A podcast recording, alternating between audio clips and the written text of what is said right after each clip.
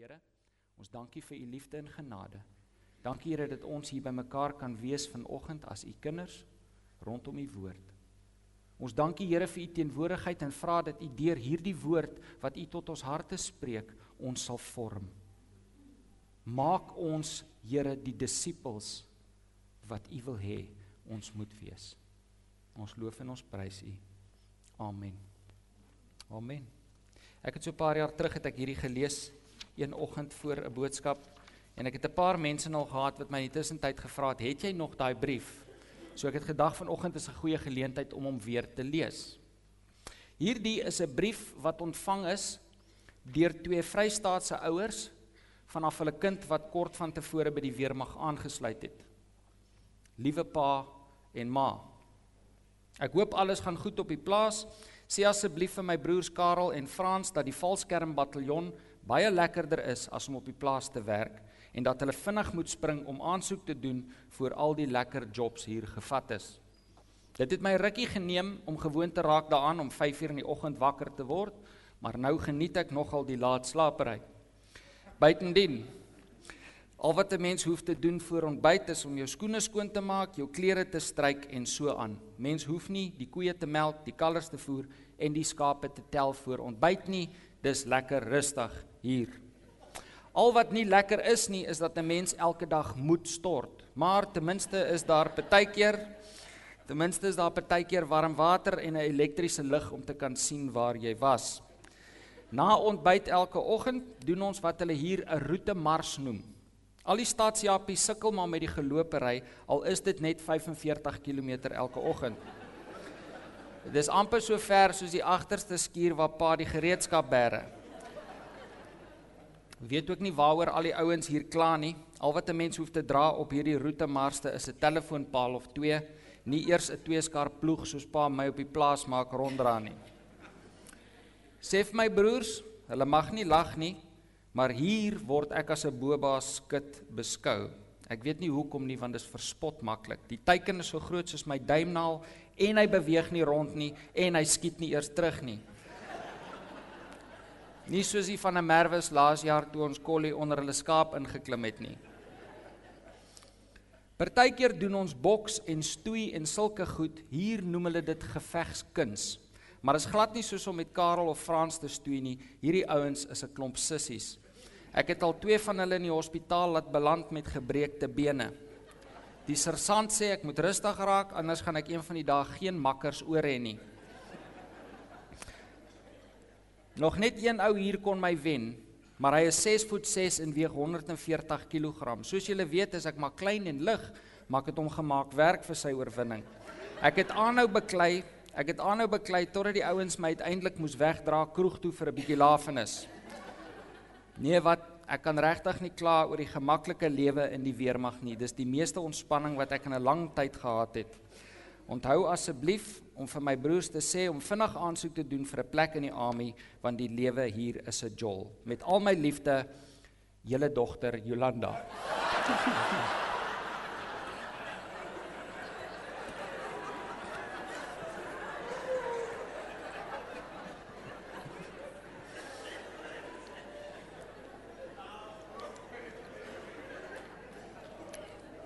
En nou gaan die naam Jolanda ook nooit weer dieselfde vir julle wees nie.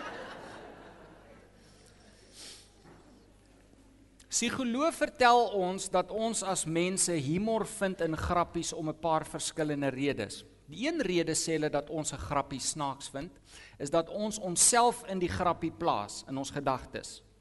Ons sien onsself in daai situasie en dan in 'n sin lag ons maar eintlik vir onsself. OK? Klink vir my asof dit sin kan wees. 'n uh, Ander rede sê hulle dat ons vir grappies lag is dat die kookslag onverwags is.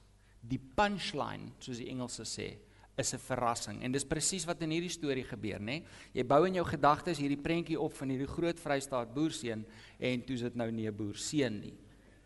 En daar lê die humor. Ons lag vir die onverwagse. Dis vir my noemenswaardig dat ons lag vir die onverwagse in 'n grappie. Want wanneer die onverwagse in die regte lewe met ons gebeur, is ons reaksie weinig humor. Né? Nee? Om die waarheid te sê, wanneer ons in die lewe gekonfronteer word deur nuwe, onbekende, onverwagse dinge, is ons reaksie gewoonlik trauma, stres, bekommernis. Ons reageer op die nuwe en onbekende met stres. Ek en Janine was net so 'n paar maande getroud. En uh ek was nog jonk en dom. Nou is ek nie meer jonk nie. Sy het nie amen gesê nie, it's a good sign.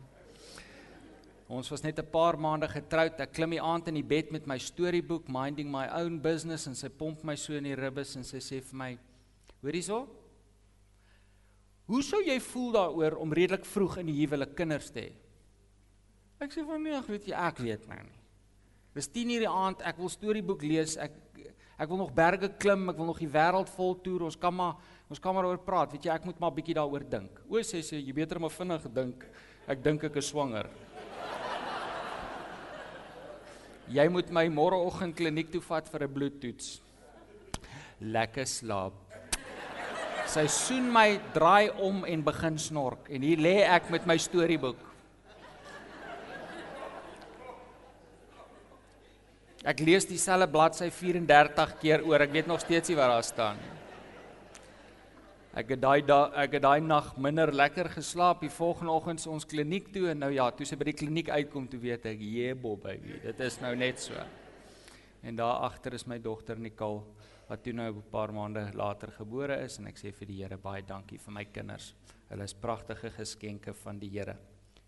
Maar op daardie oomblik toe ek nou hoor ons is swanger,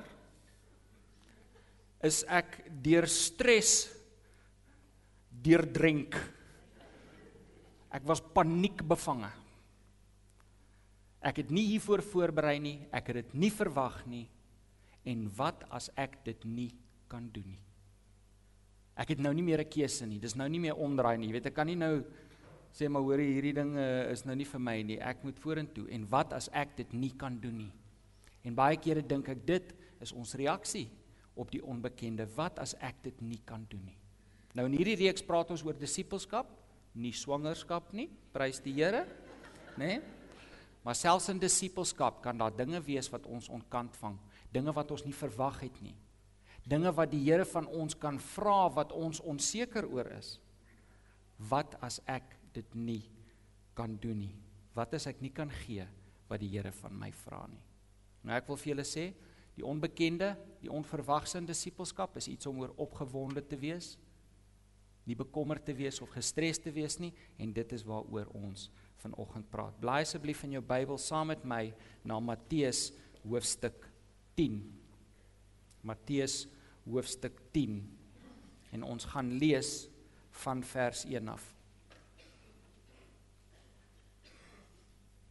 Matteus 10 vers 1. Jesus het sy 12 disippels nader geroep en hulle mag gegee om onrein geeste uit te dryf en om elke soort siekte en kwaal gesond te maak. Kyk gou daar. Jesus het sy 12 disippels nader geroep en hulle mag gegee. Wie het hulle die mag gegee om die werk te kan doen? Jesus. Waar het hulle die bemagtiging ontvang? By Jesus. Hulle moes nader kom. Hier sien ons weer die verhouding, die intimiteit met Christus wat die fondasie is van ons disippelskap. Vers 2. Die name van die 12 apostels was in die eerste plek Simon wat ook Petrus genoem word en sy broer Andreas, Jakobus seun van Zebedeus en sy broer Johannes, Filippus en Bartolomeus, Thomas en Matteus die tollenaar, Jakobus seun van Alfeus en Tadeus, Simon die Kananeer en Judas Iskariot wat vir Jesus verraai het. Jesus het hierdie 12 uitgestuur en die volgende opdragte aan hulle gegee: Moenie met 'n pad na die heidene nasies toe afdraai nie en moenie in 'n dorp van die Samaritane ingaan nie. Gaan liewer na die verlore skape van die volk Israel toe. Gaan verkondig, die koninkryk van die hemel het naby gekom. Maak siekes gesond, wek dooies op, reinig melaatses en dryf bose geeste uit. Julle het dit verniet ontvang, gee dit ook verniet. Net tot daar. Die Here sê vir 'n klomp vissermanne, belastinggarders, konstruksiewerkers, Ons weet nie wat al die disippels gedoen het nie, maar hy sê vir doodgewone mense gaan reinig melaatses, gaan dryf bose geeste uit, gaan preek. Ek wonder of ons nie partykeer wanneer ons die Bybel lees, 'n rolprent idee van die disippels in ons kop het nie. Of ons dink hulle lyk soos hulle in katolieke kerkvensters lyk nie. Jy weet, hulle het sulke lang pastelklere aan, goue ringe om die koppe. Hulle hulle hulle dryf so 3 duim bo die grond rond so, jy weet. Hierdie was doodgewone mense, mense net ons. En die Here sê vir hulle gaan verander die wêreld in my naam. Gaan verander die wêreld in my naam.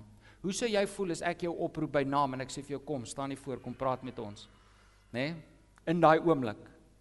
Dit is hoe die disippels moes gevoel het. Hier word hulle gekonfronteer deur 'n onverwagse nuwe uitdaging en ek is in my hart oortuig daar moes by hulle die vraag opgekom het wat as ek dit nie kan doen nie. Ek ken visvang, ek ken nie die bediening nie. Doodgewone mense en tog het hulle die wêreld omgekeer. In hul eie leeftyd het hierdie mense die wêreld onherroepelik verander vir ewig. Hoe het hulle dit reg gekry? Een woord: disippelskap. Disippelskap. Elke een van hierdie disippels het dalk die pad begin saam met Jesus as 'n visserman, as 'n loodgieter. Maar deur die proses van disippelskap is hulle getransformeer om ver meer te kon wees as wat hulle ooit op hulle eie sou kon wees. Nou ons weet, die werk van die Here word gedoen deur sy Heilige Gees, né? Nee? Ons weet dat Christus self die bron van nuwe lewe is, die bron van transformasie is en dat dit sy gees is wat mense aanraak. En tog kies die Here om te werk deur sy gees deur die lewens, die getransformeerde lewens van sy disippels. Die Here kies om so te werk en die wêreld te verander deur doodgewone mense wat ongewone dinge vermag omdat hy hulle bemagtig. Dis deur die Here se bemagtiging. Nou ongelukkig oor die jare het ons in Suid-Afrika, veral in die Afrikaanse kerke, het ons 'n kultuur geskep wat sê dat net professioneel opgeleide mense die bedieningswerk kan doen. Jy as Godvreesende huisvrou, die beste wat jy kan doen is gooi 'n paar rand in die bordjie en los die werk vir die dominee. Hy het geleer om dit te doen. Né? Nee? Die bedieningswerk is vir professioneel opgeleide mense, nie vir gewone mense nie. Iemand sê vir my dit was so gewees dat in die groter Afrikaanse gemeentes kon jy nie eers die orgel of die klavier in die kerk speel as jy nie 'n graad in musiek eers gehad het nie. Jy moes professioneel gekwalifiseerd wees om in die bediening betrokke te raak. En dis jammer dat daar hierdie sienswyse was want ek glo dit het ons idee van die Here se werk, van geestelike werk verander van wat dit moet wees. As ek sê bediening, jy dink onmiddellik eers aan 'n dominee. Kom, wees eerlik. Wat sê ons? Ons sê ek gaan in die bediening in. Teken ek worte? Dominee. En tog staan elke een van ons in die bediening. Elke een van ons staan in die bediening, nes die disippels in die bediening gestaan het. Maar hierdie sienswyse dat net professionele mense vir die Here kan werk, is niks nuut nie. Dit was om die waarheid te sê in Jesus se tyd ook so en nog erger. Kom ek verduidelik. In Jesus se tyd het die Joodse kinders begin skool gaan op omtrent 4 jarige ouderdom. Dat hulle skool gegaan tot so 10, 11, baie keer 12 jarige ouderdom, maar net soos ons laerskool, miskien 'n jaar of so langer. En hier op hierdie skool wat genoem was Beit Zeffer in Hebreëus, die huis van die boek, het hulle geleer lees, hulle het geleer skryf, hulle het aardrykskunde geleer, geskiedenis, Maar alles wat hulle geleer het, het hulle geleer uit die eerste 5 boeke van die Ou Testament. Genesis, Exodus, Levitikus, Numeri en Deuteronomium. Dis al wat hulle bestudeer het hulle hele laerskoolloopbaan. Die skool was by die sinagoge en hulle is deur rabbies geleer. Soos hulle geskiedenis geleer het, het hulle die geskiedenis van Israel geleer uit daai boeke. Adrykskunde ensovoorts ensovoorts. En terwyl hulle leer het hulle enorme hoeveelhede memoriseer werk gedoen. Soveel so dat op 11, 12 jarige ouderkom ouderdom kon die gemiddelde Joodse kind grootendeels die eerste 5 boeke van die Bybel uit sy kop opsê. En as jy dink dit is moeilik, 4 verse 'n dag, ek dink vir 7 jaar dan kan jy die hele wet memoriseer, net 4 verse. Maar hulle het die woord van God, daardie eerste 5 boeke so goed geken dat hulle dit op uit hulle koppe kon opsê. Nou hierna het meeste van die kindertjies skool opgehou. Jy weet hulle het opgehou met skool en dan het hulle gaan doen wat ook al die familie ambag was. As jou pa bakker was, dan jy gaan bak. As jou pa 'n uh, skaapwagter was, het jy gaan leer om met skaap te werk en die meisies het gaan leer hoe om te doen wat meisies doen. Dis 'n mystery. Hulle het geleer wat vrouens doen. OK? Maar indien indien die rabbi iets in een of twee van die kinders raak sou sien wat vir hom uitmuntend is. As hy sien maar hoor hier's 'n kind wat 'n merkwaardige insig het, 'n merkwaardige drang het om te leer, baie goeie memoriseringsvermoë het. As hy nou regtig 'n uitstaande student was, dan kon die rabbi hom nooi om hoërskool by te woon. Daar was 'n verdere leerskool wat nou maar soos ons hoërskool is, genaamd Beit Midrash in Hebreëus. En Beit Midrash beteken die huis van uitlegging of die huis van eksegese om die betekenis uit die skriftaal. Hy sou dan verder leer. Hier sou hy meer persoonlike onderrig ontvang en hy sou nie net die eerste 5 boeke van die Ou Testament leer nie, maar ook die res van die Ou Testament. Hy sou leer hoe om die wet te verstaan, hoe om dit toe te pas. Hy sou leer hoe om dit te interpreteer, hoe om dit te beredeneer. Hulle het 'n stel reëls gehad waar volgens hulle by die dieper waarhede van die woord probeer kom het.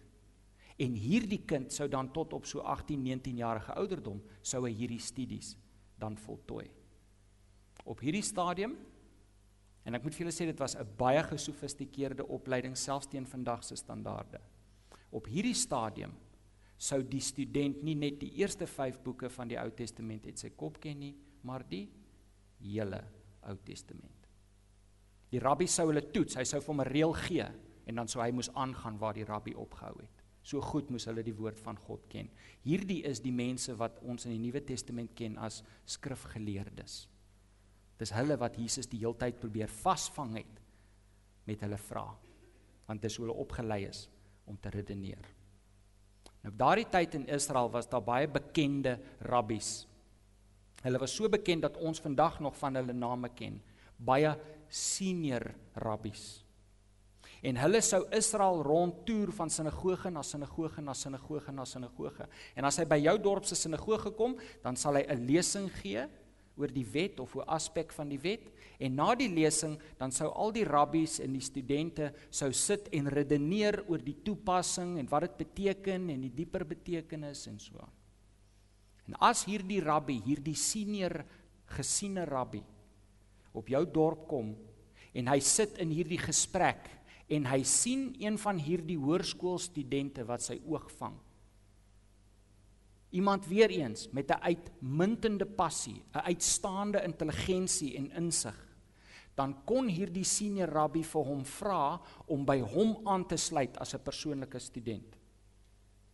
Hierdie student sou dan sy huis verlaat, hy sou saam met die senior rabbi gaan woon, saam met hom eet, saam met hom bid, saam met hom leer en so sou die rabbi vir hom die nog dieper dinge van die Here probeer leer. En daai proses is genoem byt Talmud. Die huis van disippelskap. Dit is wat 'n disipel was in Jesus se tyd. Dit was 'n elite posisie. Net die elite van die laerskool het dit gemaak tot in die hoërskool. Net die elite van die hoërskool het dit ooit gemaak om 'n disipel van 'n bekende rabbi te word. As jou kind 'n disipel was van 'n rabbi, het jy geloop en brag heeldag. Daar was nie 'n groter eer wat jou familie kon oorkom nie. So ons sien nou ons sien nou dat in daardie tyd was dit net die hooggeleerde professioneles wat in die werk van God betrokke geraak het. En hierdie senior rabbies het hulle studente gaan haal by die elite sinagoges en universiteite. So kom ek vra vir jou.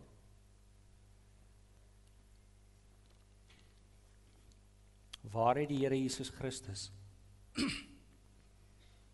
sy disippels gaan haal. By die universiteite, by die gesiene sinagoges onder die slimmes, die manne met die lang grade.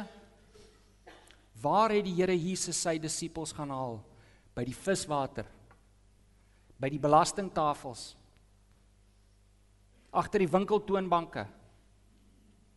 Onder die geleedere van mense wat dit nie gemaak het in ander se oë nie. Onder die geleedere van mense wat dalk nie slim genoeg was of goed genoeg was om daardie elite posisie in die samelewing te vervul nie. Dit is waar die Here Jesus na daardie gewone mense toe gekom het, sy hand uitgesteek het en gesê het: "Kom. Volg my. Jy kan my disipel wees." Hulle kies die slimmes. Hulle kies die gradiante. Ek kies jou. Kom. Ek sal jou bemagtig. Nou kan ek jou vra, waar was jy toe die Here Jesus jou die eerste keer kom roep het? Toe jy bewus geword het van die Here wat aan die deur van jou hart klop. Onthou jy nog daardie tyd in jou lewe ek doen? Toe jy bewus geword het van die liefde van die Here en besef het ek moet hierdie Christus volg. Dit was die tyd toe die Here na jou kom waar jy was en sy hand uitsteek en sê kom. Volg my. Ek kies jou om die wêreld te gaan verander. Sagaria 4 vers 6, ek weet nie of julle gesien het nie op die bord buitekant Lunies het dit so mooi vir ons daar neergeskryf.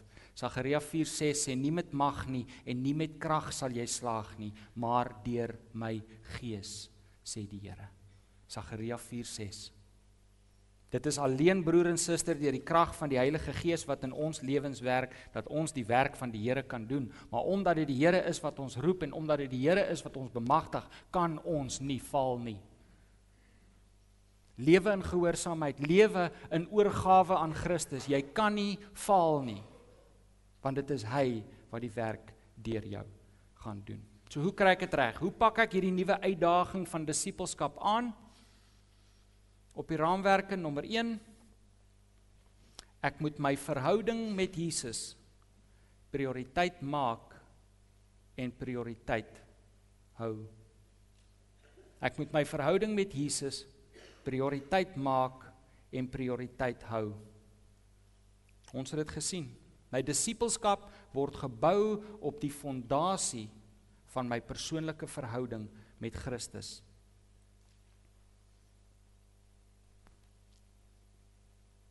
Eers het Woensdag aand nog iets gesê wat jy het baie gesê wat my geseën het. Ek nou nie jou naam nou al twee keer in een boodskap. Eers het nog iets gesê wat my geseën het. Hy het gesê die bedieningswerk is 'n uitvloeisel van jou verhouding met Christus. Nie andersom nie. Ek besluit nie ek gaan vir die Here iets doen en dan kyk ons of ons tyd het om by die Here uit te kom terwyl ons dit doen nie. Ek het nie tyd vir Bybel lees en bid nie want ek's te besig met Jy weet, die diensspan. Ek's te besig met sendingwerk, wat ook al. Nee, nee, nee. Nee, nee. Die bediening is 'n uitvloeisel van my verhouding. Markus 3:14 sê en hy Jesus het 12 aangestel, hoor mooi. Hy het 12 aangestel sodat hulle saam met hom kon wees en hy hulle kon uitstuur om te preek. Die eerste ding wat genoem word daar is dat hulle gekies is deur Christus om saam met hom te wees. Jou belangrikste werk, broer en suster, word op jou knieë gedoen. Dis daar waar jy gevorm word, dis daar waar jy voorberei word. Dit is die fondasie van ons disippelskap. Maar Here, ons het duiwels in U naam uitgedryf, ons het siekes gesond gemaak. Here, ons het wondere verrig. Gaan weg van my. Ken jou nie. Sonder verhouding is dan niks. Ons verhouding met Christus moet prioriteit bly. Nommer 2 Ek moet myself in die skrif ontdek. Ek moet myself in die skrif ontdek.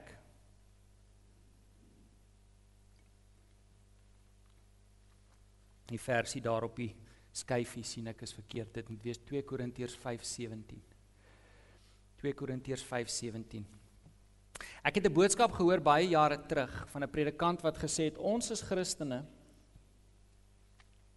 sukkel partykeer om vorentoe te gaan met die Here want ons word teruggehou hoor mooi deur die rek van ons ou identiteit the elastic of our old identity die Here maak ons nuut Ons word wedergebore, ons word volgelinge van Christus, kinders van God, maar hier in ons koppe het ons nog dieselfde idee van onsself as wat ons voorheen gehad het. Ons het nog 'n ou prentjie van onsself.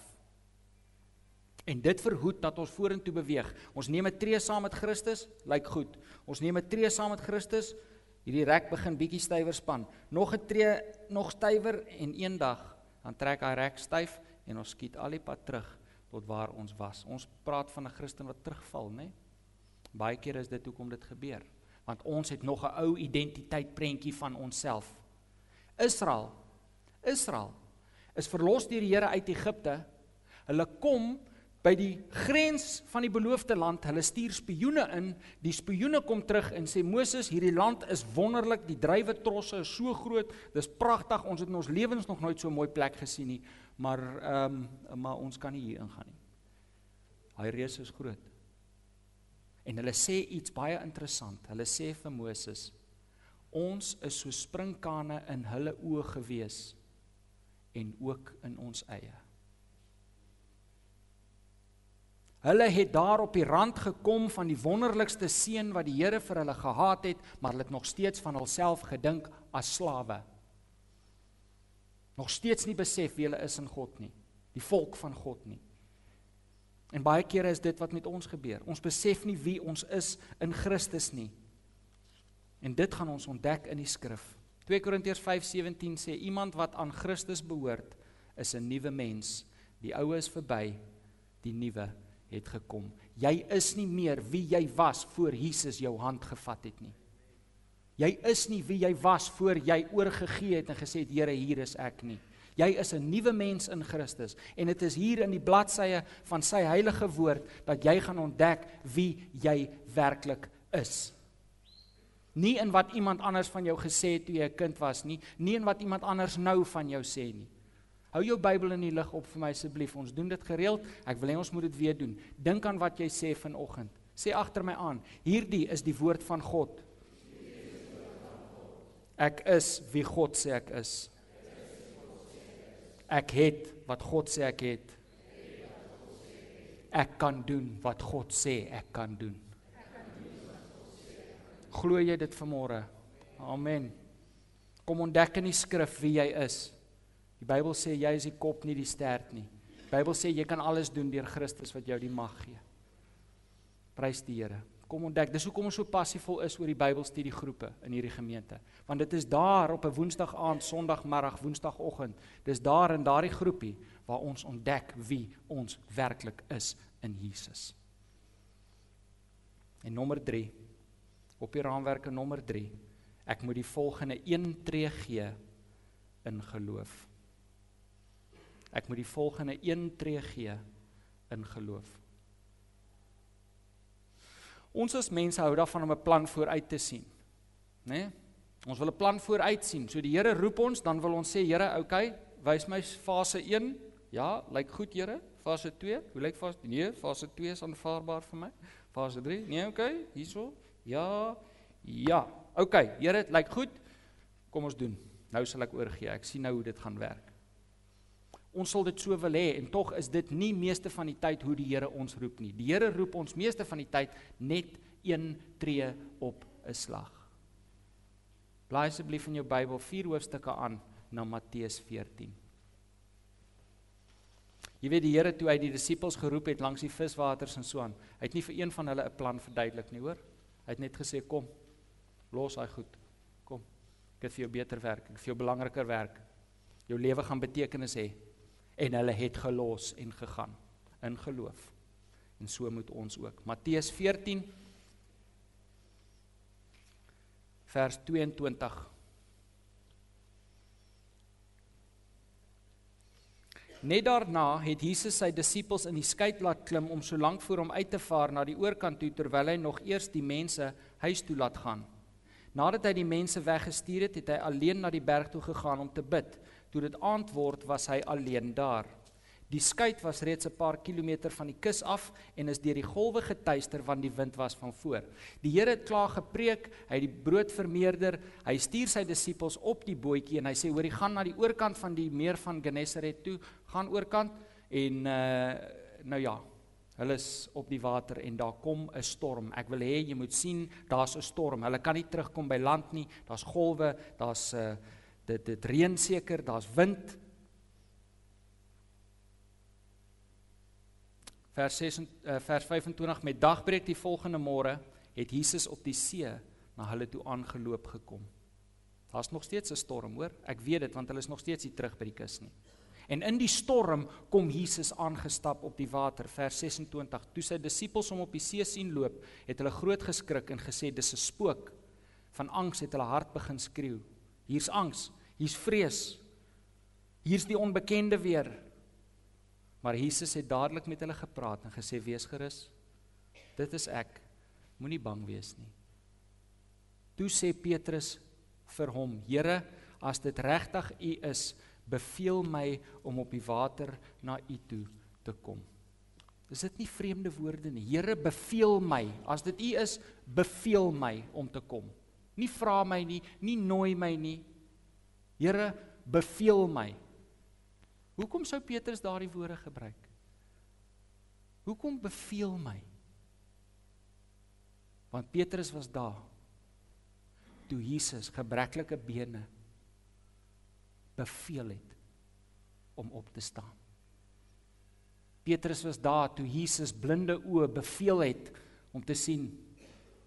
Jesus was daar, uh, Petrus was daar toe Jesus 'n lijk beveel het om te lewe. Petrus het geweet as die Here my beveel, kan ek doen wat hy van my vra. Wanneer Jesus beveel, word die onmoontlike moontlik.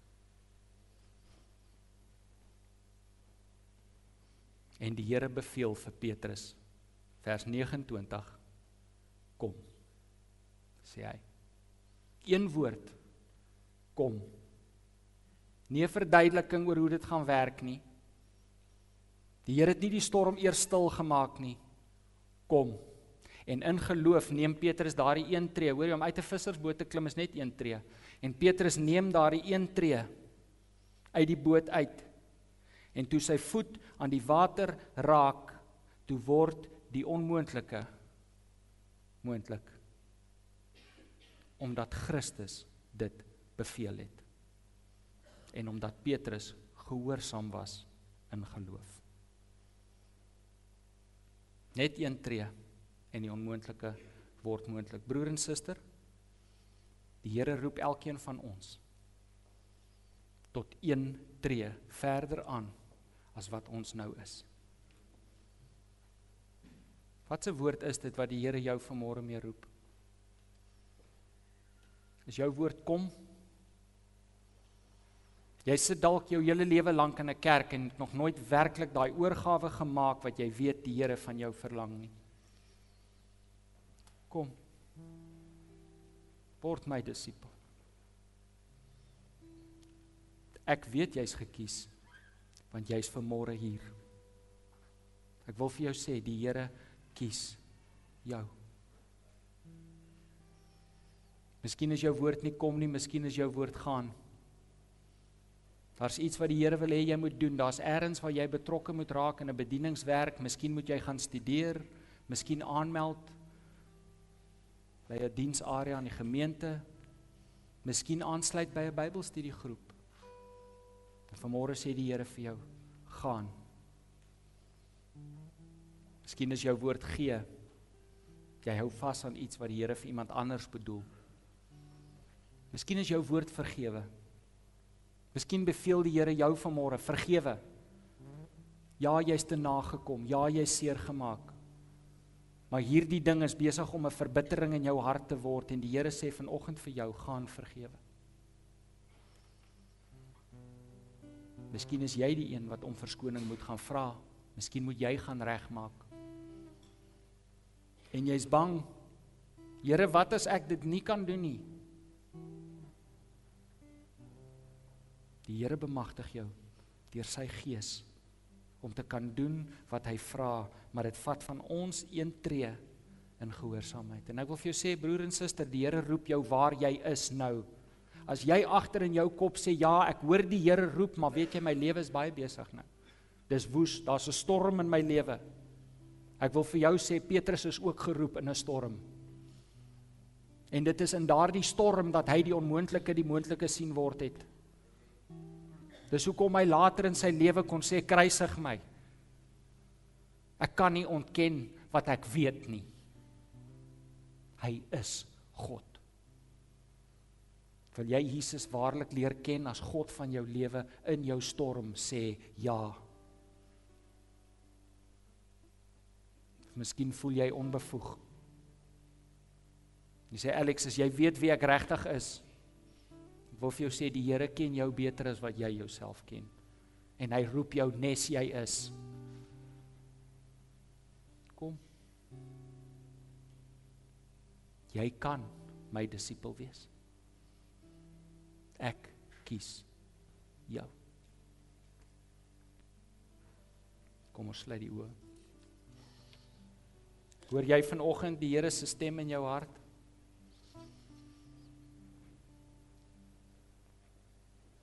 Hoor jy hoe die Here jou roep vanmôre om 'n oorgawe te maak in 'n area van jou lewe waar jy tot nou toe dalk bietjie terughou het? As jy vanmôre die Here se stem hoor, dan wil ek jou vanmôre vra sê ja.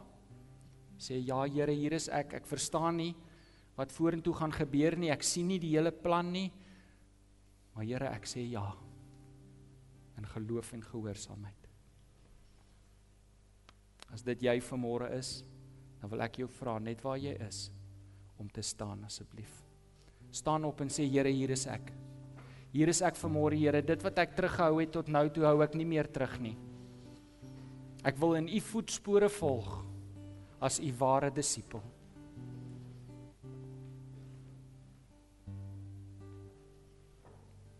bid in jou hart saam met my Here. Vanoggend hoor ek u stem. Ek hoor u roep Here en ek gee gehoor. Neem my lewe Here, neem my hele lewe. U verdien alles. Vanmôre wil ek nie terughou nie. Ek wil u volg Here op die weg wat u vir my voorberei. Ek weet Here dat u my bemagtig om te doen wat u my vra om te doen. Hier is ek Here. Neem my lewe laat dit tot u eer wees. Amen. Amen. Die Here is goed. Kom ons loof die Here vir sy liefde en trou.